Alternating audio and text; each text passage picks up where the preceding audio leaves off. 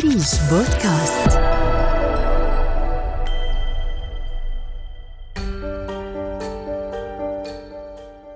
حلقتنا اليوم من مصر وبالتحديد محافظة دمياط. يمكن اليوم هي واحدة من أكثر الحلقات اللي أثرت في بشكل كبير. وخلتني أؤمن أكثر بأهمية العمل الصحفي الاستقصائي. ليس القادر فقط على المحاسبة والمساءلة وكشف المستور من فساد وأخطاء وسوء استخدام للسلطة بل أيضا القادر على الكشف عن الكثير من القصص الإنسانية اللي ما بنسمع فيها كتير. ضيفتي اليوم بدأت بفكرة تحقيقها من منزلها وعائلتها وقادتها تلك القصة إلى الكثير من القصص الأخرى في حيها ومدينتها. وكشفت عن تقصير في التعامل مع الحالات الصعبة لمن تعرضوا لبتر أطرافهم خلال عملهم سعيدة بأن تكون معي الصحفية المصرية سهاد الخضري التي أنتجت مع أريج تحقيق ضحايا المناشر. إصابات عمل وبتر أصابع ولا تغطية صحية أو تأمين.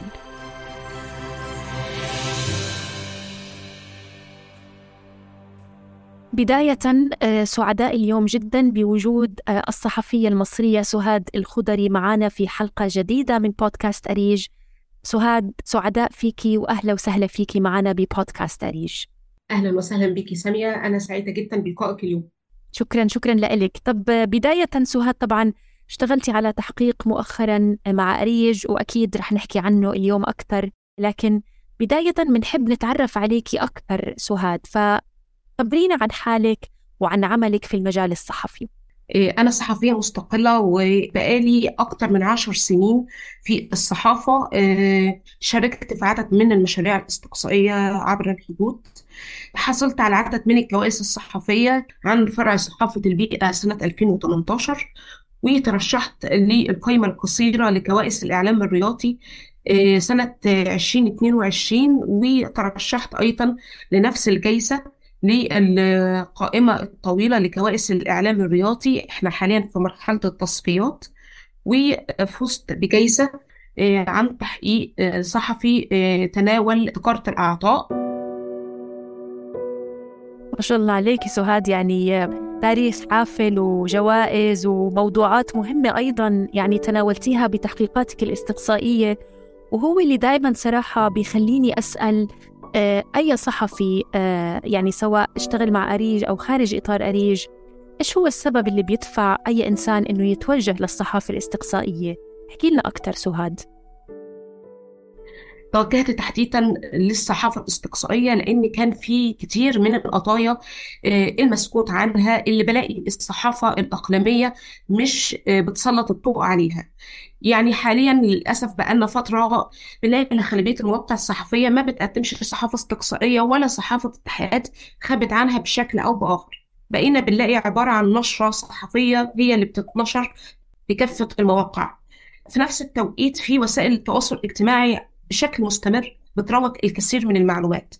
هنا دور الصحافة البحث والنبش عن الموضوعات دي وتسليط الضوء عليها خاصة قضايا الفئات المهمشة بدون ابتسال عشان كده قررت إن أنا ألجأ وأتجه للصحافة الاستقصائية وأبعد عن الصحافة النمطية المتعلقة بالتحقيقات المعمقة.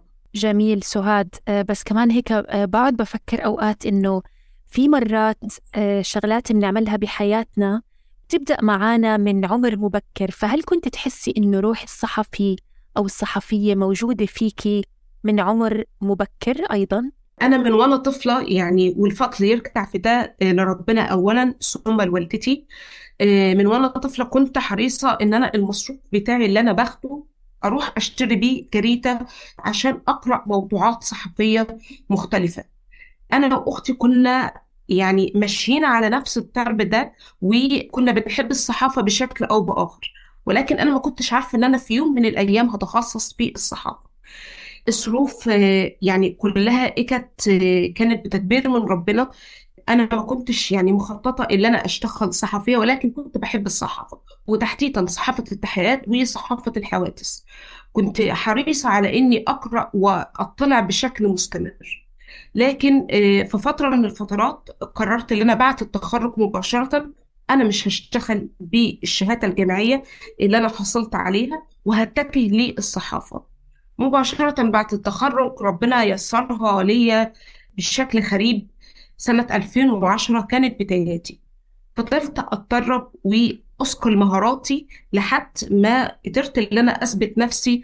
نقدر نقول مثلا من 2011 2012 جميل جدا. يعني آه، ذكرتيني على فكرة وأنا صغيرة نفس الشيء كنت دائما قبل الذهاب إلى المدرسة كثير كنت أحب أحكي لوالدي إنه وقف عند بائع الجرائد على مثلا على الإشارة أو على الدوار لأني كنت أحس إنه ضروري كثير أقرأ الجريدة حتى قبل ما أروح على المدرسة. ف يعني أعتقد إنه هذا الموضوع يزرع بداخلنا من نحن أطفال.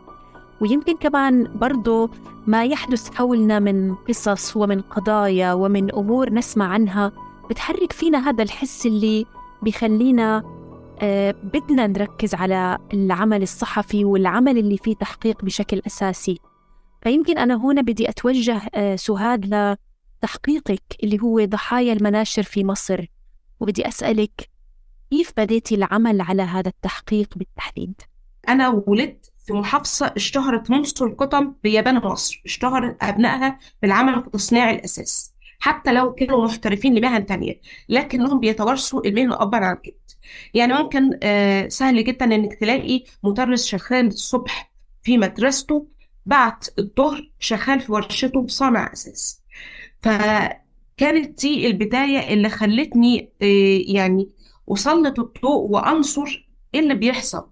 في إيه بيحصل للصناع دول وللأسف كانت البداية مع شقيقي الأكبر لما تعرض لحادث على الماكينة نفسها. في التوقيت ده أنا كنت لسه صغيرة كنت في الدراسة فكان الخبر بتعرض شقيقي الأكبر لحادث على ماكينة الحلاية تحديدا. وقتها كلنا جرينا في البيت على المستشفى اتلقيت حالة من الهرج والمرج في المستشفى. تركت إن بعض المصابين في التوقيت ده كان بيتم خياطتهم بدون بنج. فحسيت إن في حاجة مش طبيعية. يعني آه، أخويا فضل ينسف لفترة اصطحبناه لطبيب خاص. للأسف الطبيب أقر ببتر الإصبع نتيجة الحادث اللي اتعرض ليه لأن عظم الإصبع نفسه تم تفتيته على الماكينة وده اللي بيحصل على ماكينة الحلاية اللي هي إحدى ماكينات المناشر اللي بيشتغل عليها صناع الأساس. فأخويا يعني رغم مرور السنين لكن كان بيعاني من منصر أصبعه المبتور والآلام اللي بتصاحبه كل فصل الشتاء مع البرودة الشديدة. لما أنا اتخرجت واشتغلت في الصحافة ولأن عندي حب التركيز في أدق التفاصيل. اتلاقيت إن مش أخويا الوحيد هو اللي اتعرض للحادث ده لا في آلافات بيتعرضوا بشكل يومي لحوادث بتر على الماكينات دي. فأقدر أقول لك إن أخويا كان بوصلتي الأولانية في التحقيق.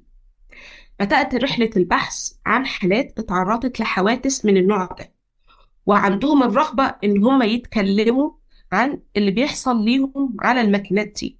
وفين دور رب العمل؟ وفين دور هيئة التأمينات الاجتماعية؟ وهل الناس دي يعني مؤمن عليها ولا لأ؟ الناس دي مين بيتحمل نفقات علاجها؟ خاصة إن غالبيتهم يصبحوا معاقين في وقت محافظة دمياط اللي أنا ولدت فيها حتى لو أنا مش مقيمة فيها بشكل مستمر حاليا فيها 350 ألف صانع أساس. فلك أن تتخيلي حجم الإصابات اللي بتحصل بشكل يومي. يعني في ناس ممكن تحصل لها الإصابة النهاردة وتاخد فترة العلاج وتقوم وتستكمل العمل. لك أن تتخيلي إن أنا يعني قابلت حالات منهم اللي فقط سبع أصابع على الماكينات دي ورغم ذلك يعني بيحاول إن هو يشتغل ولو يعني بشكل روتيني لو هيباشر العمل. تحدثتي إنه التحقيق بدأ بقصة أخوك وبرضه كمان يعني الناس اللي من حولك يمكن ناس بتعرفيهم أو تعرفتي عليهم فبالتالي رحلة جمع هذه القصص ورحلة الوصول إلى الأشخاص اللي تحدثت إليهم بالتحقيق. حابين نحكي عنها أكثر سهاد إذا ممكن. هو خلال تجولك في الشوارع محافظة دمياط طول ما أنت ماشية بتلاقي آه ناس كتير أطرافها مقطوعة. ممكن تلاقي واحد عنده إصبع أو اتنين أو أكتر أو ممكن كف إيد. الحالات كتير بس إنك تلاقي ناس حابة تتكلم تلاقي ناس عايزة تتكلم أساسا كان الصعب.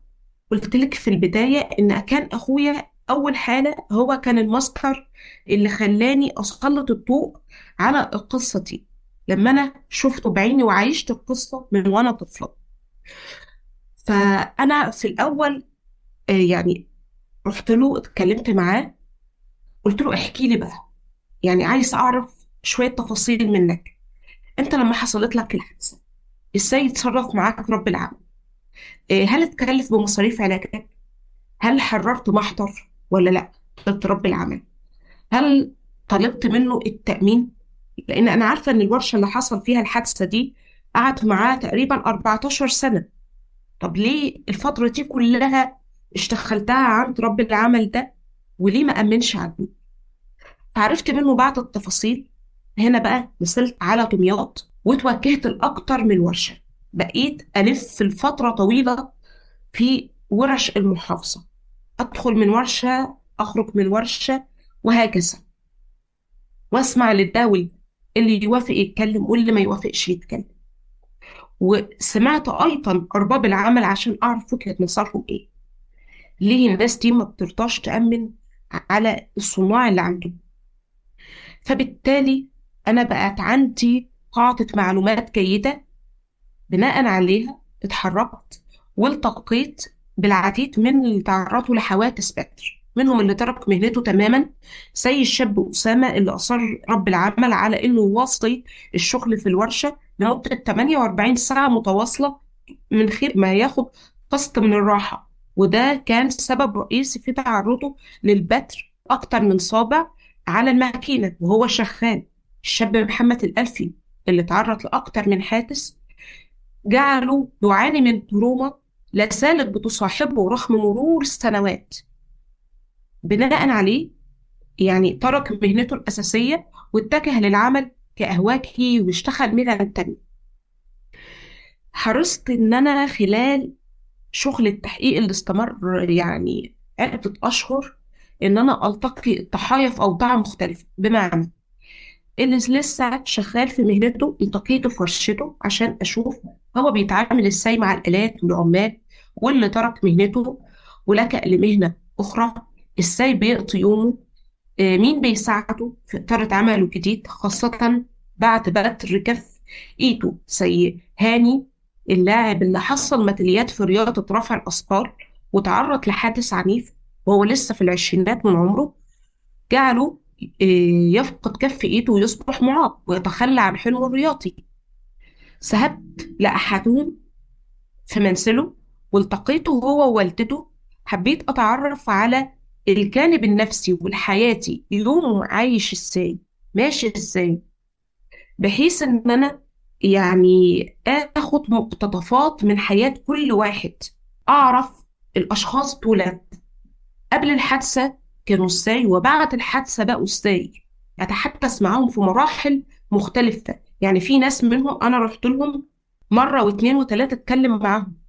يعني ممكن ناس منهم كانت تيجي تتكلم يا سامية وبعدين يقولوا لي لا إحنا مش قادرين النهارده نكمل. يعني نرجوك نلتقي بيكي في وقت تاني. من كثرة ما هم بيسترجعوا الذكريات ويقعدوا ويبكوا على اللي حصل. أنا نفسي بقيت بتأثر باللي أنا بسمعه منهم. تخيلي إن واحد منهم بقى كل ما يسمع صوت ماكينة وهو في محافظة دمياط عايش فيها لسان كل ما يسمع صوت ماكينة يطلع يجري في الشارع. يعني الناس دي أقدر أقول لك إن هم حياتهم النفسية والأسرية تدمرت بعد الحادث. ركزت كمان في المادة المصورة على نصراتهم حركاتهم. عايزة أقول لك إن كلهم فقدوا حاجة اسمها الابتسامة. مش قادرين ينسوا اللحظات اللي اتبترت فيها أطرافهم. وبقوا معاقين. لا هم لاقيين يعني في منهم ناس أرباب العمل بعد الحدث اللي حصل في ورشتهم طردوهم من العمل وقالوا لهم أنتوا مش هتقدروا تكملوا معانا. أنتوا بقيتوا آه، معاقين طب ما هو لما حصلت له الحادث كانت في ورشة حضرتك وحضرتك لم تؤمن عليه ولم تعطيه يعني أي حق من حقوقه. لك أن تتخيلي إن بينهم شباب فقدوا الأمل في الارتباط. لما بيروحوا يرتبطوا أو يتقدموا للارتباط آه، بإحدى الفتيات تبص بس كده على منظر إيده تقول له لا أنا مش هرتبط بيك. لدرجة إن واحد منهم بيقول خطيبته تركته بعد ما حصلت له الحادث بسبب صوابع المقطورة واحد تاني بيقول مين اللي هيقبل بواحد معاق ومشوه زيي يعني صراحة آه، أول شيء طبعا آه، الوضع النفسي اللي هم فيه يعني أبدا لا يمكن لأي حدا يتخيله. وبرضه كمان وضعك أنت سهاد أو أنت عم تسمعي لكل هذه القصص ومش بس عم تسمعيها أنت عم بتشوفيها قدامك وب آه، من أشخاص مختلفين وبأوضاع مختلفة يعني ما بين جميع هؤلاء الأشخاص. لكن يمكن كمان اللي أنا بحب أطرحه عليكي فكرة إنه هذا الموضوع مش من السهل أن يتحدث به هؤلاء الأشخاص لأي حدا. فبالتالي فكرة أو عملية اكتساب ثقة هؤلاء الأشخاص لحتى تكوني أنت الشخص الذي يروي قصصهم بالنيابة عنهم. ويمكن هاي فينا ناخذها كمان كنصيحة لصحفيين آخرين عند التعامل مع المصادر. كيف يمكن أن نكتسب ثقة الأشخاص والمصادر الذين نتحدث معهم خصوصا بمثل الظروف اللي هم بيعيشوها؟ عايزة أقول لك يا سامية نصيحة يعني للزملاء الصحفيين اللي لسه بيبتدوا أو اللي شغالين على قضايا حساسة زي دي.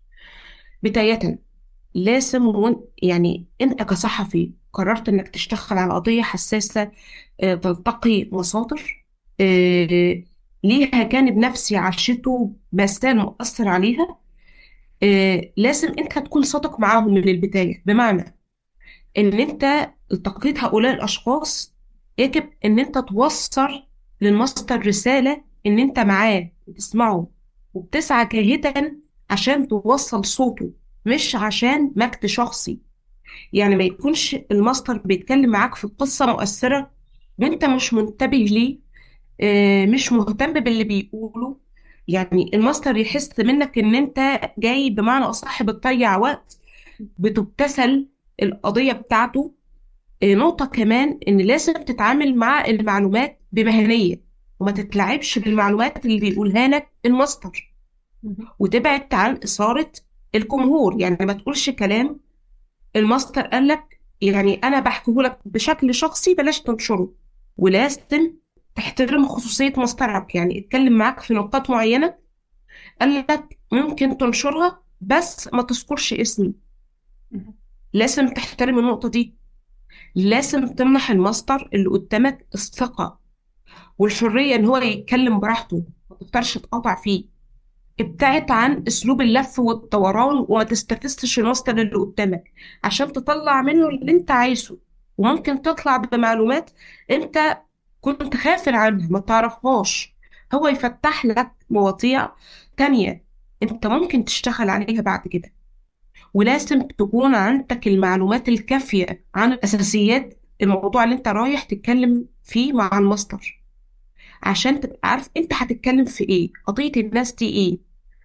مشكلاتهم إيه؟ ما تبقاش أنت قاعد بتتكلم معاه ومش عارف أي حاجة. دي يعني صحيح. أقدر أقول لك قبل يعني النقاط اللي لازم أي صحفي بيشتغل على قضية حساسة أو لسه بيبتدي لازم تكون عنده النقاط دي. طيب في قصص واجهتيها أو تعرفتي عليها بس قررتي إنك ما تحطيها بالتحقيق أو لسبب أو لآخر؟ أنا في حالة آه، من الحالات آه، يعني الحالة دي أنا أعرفها بشكل شخصي. آه، شاب كان يعني مرتبط بفتاة حصلت له بتل لأطرافه على ماكينة الحلايب. البنت بعد ما ارتبطت بيه وحصلت له الحادثة تيجي يعني يجي يخرج معاها تقول له أنا بقرف منك أنا ما بحبش آكل معاك. القصة ما ينفعش. يعني إن أنا أتكلم عنها طالما الماستر بتاعها مش عايز يتكلم. دي قصة من القصص قصة تانية. واحد رب عمل أنا التقيته في ورشته فوجئت إن هو نفسه آه، صاحب ورشة آه، حلايا لا زال يعمل في المهنة رغم تعرضه لبتر سبع أصابع على الماكينات ولكنه لا زال بيعمل. الشاب ده حصلت له يعني البتر في السبع أصابع على مدار ثلاث حوادث متفرقة. ده حالة من الحالات اللي لم تنشر ضمن سياق التحقيق خلاف الحالة اللي أنا قلت لك عليها الأولانية. في حالات تتكلم معايا بشكل شخصي على الظروف النفسية والظروف الحياتية اللي حصلت لهم مع أسرهم بعد الحادث. فبيكلموا معايا بشكل شخصي وأسهبوا في الحديث ولكن قالوا لي إحنا مش عايزين النقاط تتكلم يعني تتذكر في التحقيق. لازم أحترمهم ولا أذكرها تماما. أكيد. طيب يعني كل صحفي يطمح إنه يحقق أثر من وراء التحقيق اللي عم يشتغل عليه. هل كان في ببالك أي أثر ترغبين بتحقيقه آه سهاد هذا سؤالي الأول؟ ويمكن كمان السؤال اللي بعده على طول اللي هو هل كان في أي ردود أفعال من الجهات المختصة باتجاه هذا التحقيق؟ وما نتج عنه؟ أنا لما اشتغلت على التحقيق ده أنا كان عندي هدف شخصي وهو آه، بداية إن لازم الناس اللي بتشتغل في يعني على الماكينات دي الناس دي لازم تحصل على تأمينات الناس دي بعد آه، الإصابات اللي تعرضوا ليها فضلوا يلفوا سنين على هيئة التأمينات عايزين يأمنوا على نفسهم بشكل شخصي لأن أرباب العمل رافضين يأمنوا عليهم المشكلة اللي بتواجه هؤلاء إن هو وفقا للقانون فهم عمالة منتصمة لا يحق لهم التأمين ولكن رب العمل هو اللي المفروض يأمن عليه. ولكن على أرض الواقع رغم أن هؤلاء وفقا للقانون عمالة منتصمة لكنهم يعاملوا معاملة العمالة غير المنتصمة بمعنى أن هؤلاء غالبيتهم غير مؤمن عليهم أرباب العمل بيرفضوا التأمين عليهم أو إنهم يدخلوا في مشاكل مع هيئة التأمينات أو إن هيئة التأمينات تبقى مطالباهم إن هم يدفعوا فلوس كل شهر ليها. فكان أنا أهم هدف بالنسبة لي إن هؤلاء يحصلوا على الأقل على معاش تأميني لأنهم بعد ما بتحصل لهم الإصابة أرباب العمل على الفور بيقوموا بطردهم ولو ما قالوهاش بشكل مباشر بيفضلوا يهينوا فيهم يوميا يقولوا لهم أنتوا عالم معاقة أنتوا ما تقدروش تشتغلوا أنتوا قاعدين ليه؟ يعني واحد من الحالات بيقول لي أنا رب العمل بمجرد ما حصلت لي الحادثة يعني في ورشته وحصلت له حادثتين في الورشة دي تحديدا وتم بتر أكتر من طرف رب العمل بقى بيحيل أحد العمال في الورشة عشان يفضل يسهق فيه يوميا ويقول له قوم شيل الترابيزات دي اعمل كذا. يقول انت شايفني؟ أنا عندي أكتر من طرف مبتور. مش سهل ان أنا امسك الحاجة بإيدي. يفضل يهين فيه لحد ما الشاب ده ترك العمل تماما في الورشة. فبالتالي هؤلاء بحاجة بالفعل إلى التأمين عليهم وقيام الجهات المختصة بالتفتيش المستمر على الورش وتشوف مين اللي بيأمن ومين اللي مش بيأمن. والعمال دولت اللي حصلت لهم حوادث هل تم تحرير محاضر بالواقع ولا لأ؟ هل الأشخاص دولت تم يعني تكفل رب العمل بمصاريف علاجهم ولا لأ؟ لأن أرباب العمل أيضا بيتهربوا من التكفل بمصاريف العلاج. فده كانت الهدف من التحقيق بالنسبة لي قبل ما أشتغل عليه وقبل ما أشوف. إيه اللي حصل بعد ما نشر التحقيق؟ آه عايزه أقول لك إن ردود الأفعال اللي أنا واجهتها من الصناع نفسهم كانوا بشكل مستمر أثناء تنفيذ التحقيق بيسألوني هو هيتنشر إمتى يا أستاذ إحنا عايزين نشوفه. ولما اتنشر بقوا فرحانين جدا إن في حد اهتم بيهم وسلط الضوء عليهم وعلى معاناتهم وبقوا بيتداولوه على صفحاتهم. كمان النائب اللي كان متولي الموضوع وقدم طلب إحاطة عشان يتعمل قسم متخصص بالأطراف اختارته كما دمياط ببدء العمل على المستشفى واللي هتخصص فيها قسم الجراحات الأطراف لسه المستشفى لا زالت تحت الإنشاء شغالين فيها. والجامعة قالت يعني قبل ما يبتدوا إنشائها إن هيبقى فيه قسم لجراحات الأطراف جميل. يعني الأمر بإنشاء هذا القسم صار وهو لسه تحت الإنشاء ولا كيف؟ قالوا إن هيبقى فيه قسم فيه. أنا لسه مكلمة النائب امبارح أه بقول له أه يعني وصلت حضرتك في الموضوع على القسم ده لإيه؟ أه المستشفى هيبقى فيها قسم أكيد. قال لي أنا والله كنت مقدم الطلب اللي أنا أساسا أشرت إليه في سياق التحقيق والجامعة أختارته بالفعل ببدء العمل على المستشفى وقالت له هيتخصص قسم الجراحات الأطراف بمشيئة الله. فاحنا في الانتصار. يا رب اللي إحنا نشوف إن شاء الله. على أرض الواقع. يا رب إن شاء الله يعني لأنه يعني كمان لما حكيتي على فكرة إنه مرات أرباب العمل برضو كمان يعني بالوقت اللي بتكون الحادثة وقعت عندهم في المحل تبعهم أو في المعمل تبعهم كمان يعني بيتسببوا بمضايقات للأشخاص اللي انصابوا من وراء عملهم في هذا المكان. يعني أنا أعتقد إنه يعني إحنا هيك وصلنا لمراحل لا تصدق من هاي المعاملة اللا إنسانية. فبالتالي يعني لما كنت عم تتواصلي سواء مع أرباب العمل أو سواء مع المستشفيات أو ما إلى ذلك برضو كمان شو التحديات اللي أنت واجهتيها سهاد وأنت عم تحكي مع خلينا نحكي الطرف الآخر المواجه للقصص اللي تناولتيها بتحقيقك؟ عايزة أقول لك يا سامية إن التحقيق ده أنا واجهت فيه تحديات كتيرة جدا. أبرز التحديات إن المستشفيات كانت رافضة بشكل قاطع التحدث في الأمر. ده حتى الإحصائيات اللي حصلت عليها حصلت عليها بعد معاناة. فضلت شهور عشان أوثق معلوماتي بالمستندات والإحصائيات خلاف الحالات اللي أنا التقطتها بالفعل. أنا خلاص قابلت حالات لازم يبقى معايا إحصاءات. عايزة أعرف كام عملية اتعملت الإحصائيات قد إيه هل كل الحالات دي بتتسجل ولا لأ؟ يكفي إن أنا أقول لك يا سامية إن خلال الشغل على التحقيق تم توثيق 5000 حالة تعرضوا للبتر الأصابع سنويا خلال فترة زمنية من 2016 ل 2020 ودي كانت إحصائية مشتركة بين مستشفى التخصصي ومستشفى الأزهر الجامعي عدتها المستشفيتين مع بعض وقالوا إن في 5000 حالة. تم إجراء عمليات ليهم وترتبوا على المستشفيات خلال الفترة دي سنويا. يعني كل سنة 5000 حالة. خلاف كمان إن أنا وثق 889 حالة جراحة يد وأصابع خلال عام واحد في مستشفى الأزهر.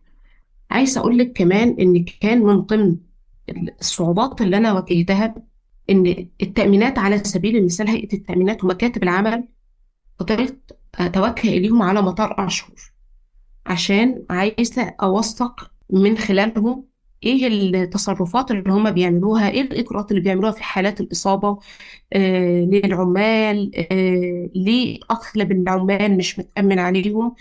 آه فوجئت برفض مديرة هيئة التأمينات في دمياط رفض قاطع إن هو يتحدث معايا بتاعه إن دي معلومات سرية غير مسموح بتداولها. فتواصلت مع المتحدث الإعلامي آه لهيئة التأمينات. كان رده أنا ما أقدرش أخرج معلومات زي دي. ليكي سلمت نسخة من كارنيه نقابة الصحفيين اتحددت بعدم إمكانية التعامل مع ممثل وسيلة إعلام غير مصرية. فدي نوع من أنواع المماطلات اللي أنا واجهتها خلال الشغل على التحقيق خلاف إن وزراء ومحافظ دمياط سات نفسه اللي أنا فضلت أحاول أتواصل معاه خلال أشهر أكتر من عشر شهور. عايز أعرف دور محافظة دمياط إيه؟ ليه السنين دي كلها مفيش قسم متخصص بجراحات الأطراف آه سبق أكتر من مرة وأعلنوا إن هيكون في قسم متخصص ولم يحدث شيء على أرض الواقع وعود بيقولوها مفيش أي جديد. لكن فوجئت برفض قاطع في التواصل مع عدد من الوزراء لمحافظ دمياط المعنية بالأمر المفروض. لحد ما وصلت في النهاية المسؤولين بهيئة التأمينات أمدوني بالمعلومات وبالإحصائيات في النهاية خالص ووافقوا إن هم يتحدثوا منهم اللي وافق على نشر اسمه ومنهم اللي رفض نشر اسمه حتى لا يعرض للمساءلة القانونية صراحة اللي بقدر أقوله سهاد هو برافو عليكي وعن جد يعطيكي ألف ألف عافية على هذا التحقيق وعلى سرد جميع هذه القصص وعلى متابعة حتى هذا التحقيق حتى يحقق الأثر والفرق. خلصت أسئلتي لكن أكيد بحب أترك لك المساحة بالأخير. إذا بتحبي تضيفي أي إشي أو بتحبي تحكي لنا إشي يمكن ما طرحت بأسئلتي. تفضلي سهاد. والله يا سامية أنا عايزة أقول لك إن أنا خلال الشغل على التحقيق ده أنا اتعلمت حاجة ممكن أكون آه، أنا وأنا صغيرة ما كانتش فيا وهي الصبر. آه، اتعلمت الصبر إلى أقصى درجة. اللي أنا مهما كانت المصادر بتماطل في التعامل معاك كصحفي إلا إنك لازم تفطر ولا قصتك اللي أنت شغال عليها وما تيأسش. مهما تعرضت لصعوبات ومهما تعرضت لضغوطات لازم تفضل شغال على قصتك ما تيأسش. هتوصل مهما عانيت هتوصل. اتعلمت أيضا إن أنا آه، أزيد من آه، ووسع من قاعدة البحث بتاعتي. ودي كانت التجربة الأولى ليا في التعامل مع ريتش وتنفيذ تحقيق مع ريتش. فأنا كنت حابة إن أنا أشكرهم وكنت سعيدة جدا جدا بالعمل ضمن فريق ريتش لأن اتعرفت على شخصيات لطيفة جدا. أستاذة بيسان الشيخ يعني آه عايزة أقول لك إن أنا اكتسبت آه مشرفة واكتسبت صديقة. في نفس التوقيت آه حد صبور آه حد متعاون إلى أقصى درجة. آه عايزة أشكر أستاذة روان الطامن وأستاذ منير لأنهم كانوا أيضا بيدعموني خلال الشغل على التحقيق ولما التحقيق خلاص في مراحله الأخيرة كانوا بيدعموني وبيشجعوني. فأنا شاكرة ليهم جدا وشاكرة ليك يا سامية على المساحة اللي انت إديتيها لي النهاردة اللي أنا أتكلم على التحقيق بتاعي. وفرحانة بجد بال- باللقاء ده. بالعكس سهاد نحن إلنا الشرف إنه نحكي معك ويعني آه، نتعرف على جميع وكل هذه ال- التفاصيل اللي يمكن مساحة التحقيق قد لا تكون كافية إنه الواحد يحكي عنها. فشكرا لأنه آه، شاركتينا بهذه التفاصيل. آه، من التحقيق من التحديات وكل ما واجهتيه حتى يصبح. يعني هذا التحقيق حقيقة. وبدي أرجع أتشكرك مرة تانية على وقتك وشكرا جزيلا لك سهاد وبالتوفيق في جميع التحقيقات المستقبلية. شكرا لك سهاد. الشكر ليكي يا سامية وسعيدة جدا بلقائك النهاردة. ويا رب أكون لطيفة خفيفة عليكي لا بالعكس شكرا كتير كتير. شكرا سهاد. ربنا يخليك. شكرا جزيلا.